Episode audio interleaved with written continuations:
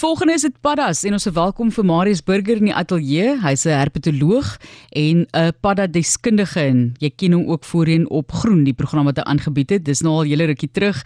Baie welkom aan jou. Hallo Martelies en baie dankie vir die al die Rolling Stones wat my gespeel het terwyl ek vir my beurt gewag het. Dit was nou baie goeie verwelkoming. Ek is bly jy het dit geniet. Hoekom paddas, Marius? O, gat ja, dit is baie keer moeilik om mense te ontmoet en dan vra hulle wat doen jy? En die meeste mense het maar 'n tipe van 'n normale wat noem dit ambag en dan sê ek ja maar uh, ek vang paddas of ek bestudeer paddas. En dit is 'n moeilike gesprek om mee te hardop en maar uitbrei van wat hierdie padda wêreld vir my kan doen. En die een ding is dat dat ek kan die wêreld vol reis en in Suid-Afrika is baie uh vol verskillende spesies paddas omtrent 135 en daar's nou nog nuwe spesies selfs. Maar die lekkerste is as ek nou verder weg vertrek op soek na paddas. Ek kan nie regtig vir jou sê hoekom ek van paddas hou spesifiek nie. Uh as ek terugdink en ek was 'n kind het ek begin slange vang wat natuurlik ook moeilik is om te verduidelik. maar ek het begin slange vang. Jy weet ek het 'n fascinasie gehad vir hierdie goeters en ek het by 'n dieretuin begin werk en was net slange en slange en paddas was maar slangkos geweest. Jammer arme paddas, maar dis soos dit was. En eers om en by toe ek 20 jaar oud was, toe besef ek paddas is amazing. Ja. As hulle jy kan by iemand gaan braai of gaan kuier en die paddas roep in die agtergrond en sonder om hulle te sien, soos voels, weet jy al wat 'n spesies daar is en hulle doen die vreemdste ding as dit kom by paring en daai tipe van dinge. Dit is eintlik baie meer interessant as slange. Jy gaan nou vir ons 'n bietjie uitbrei oor hierdie spesies. Hoeveel spesies is daar van paddas in die wêreld? Ons jy het gesê ons het 195? Nee, nee, ons in Suid-Afrika is omtrent 135. Okay. Nou kom ek gee jou 'n paar voorbeelde in 1995 was daar omtrent op daai stadium 4.500. Ek dink dit was 4650 spesies van amfibieërs in die wêreld vol. En dit is die jaar 1995 wat daar om en by dieselfde aantal spesies amfibieërs was as soogdiere.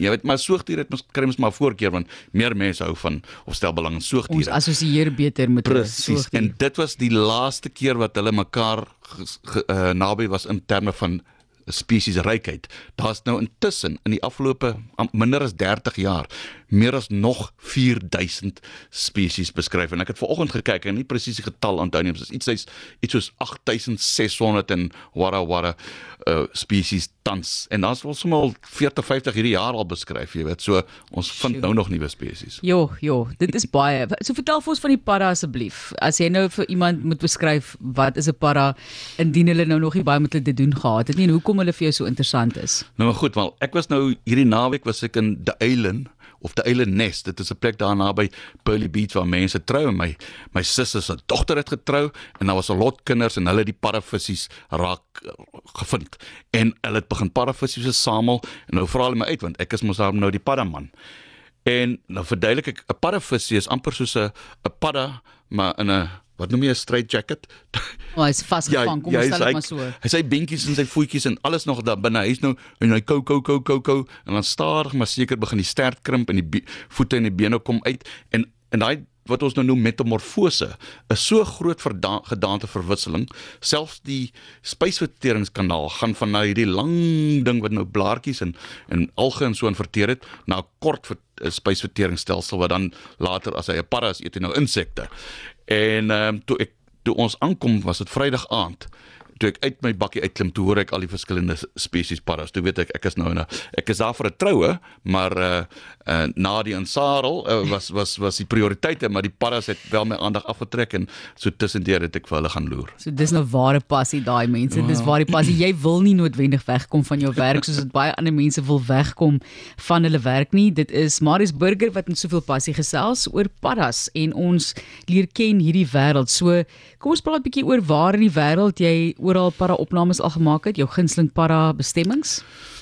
Ja, ek het net genoem dat dit is een van die van die voordele van 'n 'n paradiskundige wees. Min mense doen dit en die mense wat my nou al gesien het op TV, partykeer herken hulle my by die lughawens as ek nou na verskillende lande toe gaan dan. Maak hulle kwak kwak geluide hier agter my net om te sê ons weet wie jy is. en in Suid-Afrika, so 135 spesies, ek ken hulle nou al meestal, jy weet, maar om na plekke toe gaan waar ek niks weet nie, is my hoogtepunte. Gabon, Ethiopië, Kongo. En dan dis snaaks hoe dit werk as jy nou deskundig is op 'n vlak wat min mense iets van weet. Daar was 'n geval wat ek en dis seker 20 jaar terug. Toe kom ek in Ethiopië, nee, in Kenia aan. En ek land met die vliegtuig en ek is deur die hele storie en ek klim in in die in die huurmotor en ek is op pad hotel toe en ek sê stop, stop, want dit reën toe en ek luister by die venster uit en daar hoor ek 'n padda roep en ek kon hoor as 'n nuwe spesies. Met ander woorde, ek is 'n uur en 'n half in 'n land wat ek nog nooit was nie en aan sy roep kon ek hoor daar is 'n nuwe spesies en ons het hom toe al intussen beskryf as na die morfologie gekyk en na die na die genetika en so voort en op daai manier o ja, so jy het spesifiek gevra watter lande ont, ek was omtrent al so 40 lande in Afrika agter paddas en slange. Hoe baie verskil een padda spesies tot die volgende een? Of das, van die volgende een op 'n op daardie vlak wat jy gekyk het en die DNS vlak. Daai is 'n goeie vraag. Ek ek bly jy vra hom want 'n uh, mense dink 'n para is 'n para is 'n para en en okay, sodra jy hoor hulle roep anderste, okay, nou nou begin jy glo daar's meer as een spesies. Maar jy kry party spesies wat in Engels hulle polymorphic is, soos hierdie rietpaddetjie. So jy gaan na die dam toe, dat een is bruin, een het geel kolletjies, een het uh perserige streepies en dit lyk soos 'n 'n 'n 'n pakkie licorice all sorts uh, lekkertjies, net verskillende kleure, maar is almal met dieselfde spesies. So jy kan 'n fout maak en dink dit is verskillende spesies, maar dit is een spesies die teenoorgestel is jy kry party paddas wat baie na mekaar lyk. So as jy nou hierdie lekkers het en jy meng jou smarties, jou rooi smarties en jou blou smarties op die eind met geel peppermente. Nou ja. as jy die smartie eet, is almal smarties, maak nie saak wat 'n kleur dit is nie, is ja. een van hulle. Jammer ek praat nou 'n bietjie wyd, maar maar die geel peppermente is beslis anderste en jy kan wel die fout maak dink dat die geel smarties en peppermente dieselfde is. En ons noem dit kriptiese spesies en dit is maar nou deesdae wat ons uh die voordeel het van gen met genetika om na hulle te kyk wat ons besef dat die diversiteit van paddas is baie groter as wat ons voorheen geraai of gedink het Ek in 1993 byvoorbeeld was ek vir die heel eerste keer in Madagaskar, dit is een van my geliefkoeste plekke en toe was daar 150 spesies paddas bekend. Dis nou oor die 400. Dit is ek weet nie hoeveel jaar terug nie. 40 jaar, 30, 40. Ja, nee, kan my somme is daar rond. Lank terug, maar dit, Lang om om 'n paar honderd spesies buite is dit wil gedoen wees. dit wil gedoen wees. Maar as jy mens praat van paras, daar's interessante feite wat mense nou oor kan gesels. Jy kan bietjie uitbrei dalk ook en dit sluit ook by die verskille aan, maar daar's giftige paras ook mos in Swaan. As 'n hond die para eet of byt of iets ja, is dit. Ja, ja. Hoekom is hulle giftig? Dit is natuurlik 'n verdedigingsmeganisme, maar daar's min diere wat ek dink aan sampioene is giftig, maar ek dink nou aan diere wat giftig is as jy aan hulle eet. Hoekom is paras giftig? As jy aan hulle eet. Van hulle. Goed. Ja, ek is al ja, ek gebruik dit want dit is 'n voorbeeld. Ek denk, kom ons sê net maar hond, hond yes. daai padda. So in in die giftigste paras is gelukkig in Suid-Amerika en party van hulle kan jy nie eens aanvat nie. Daai gif kan deur jou vel gaan en probleme veroorsaak. Die giftige paras in Suid-Afrika, daar's wat hulle noem hoe gommelastiek padda, uh wat wat 'n uh, 'n tipe van as as jy nou aan hom sou lek wat selfs uh probleme sou veroorsaak vir jou hart. Maar die tipiese giftige parre wat ons aan dink is die skurweparras in Engels sê die mense toads, skurweparras en hier in die Kaap het ons die lawaaiige skurwepadda en die westelike luiperd skurwepadda. En as 'n hond of 'n een of ander predator so parre gryp, direk agter die oë is daar sulke swellings. Hulle noem dit o, oh, die parotid glands, parot uh, kliere wat dan hy so so mik 'n uh, wit melkerige stof afskei. En dit is letterlik giftig en jy kan jou hond verloor as hy as hy kwaai gekou het ja. aan hierdie padda. En dit is dan natuurlik die padda wil nie geëet word nie en so jy die die die predators skuim dan in die mond en op hopelik oorleef die padda of die dier leer om dit nooit weer te doen nie. Goed. Kom ons praat net oor paddas se uh, belang in die natuur. Wat wat is hulle rol as 'n mens dink in terme mm. van die omgewing. Mm. Baie mense sê vir my, maar parasitos hierdie diere wat amper soos 'n kanarie is, dit is 'n indikatorgroep vir 'n vir die natuur wat dan nou uh, as dit nou sleg gaan met die natuur, weet as ons te veel ontwikkel. En ja, dit is waar tot 'n mate. Uh maar ek stem nie heeltemal saam met daai ding nie, want baie keer dink ek ons kyk hom nou hopeloos te fyn om die groot probleem nie self raak te sien nie. Byvoorbeeld mense sal sê, "O, as jy baie van die reënwoud afkap, dan raak die paddas minder." Maar ek dink is baie maklik om te kyk dat ons is besig om die reënwoud af te kap is om te kyk na die paddas wat minder raak. Dit gesê op die een kant, daar's wel ons elke jaar verloor ons nog spesies paddas as gevolg van stupidhede wat ons aanjaag.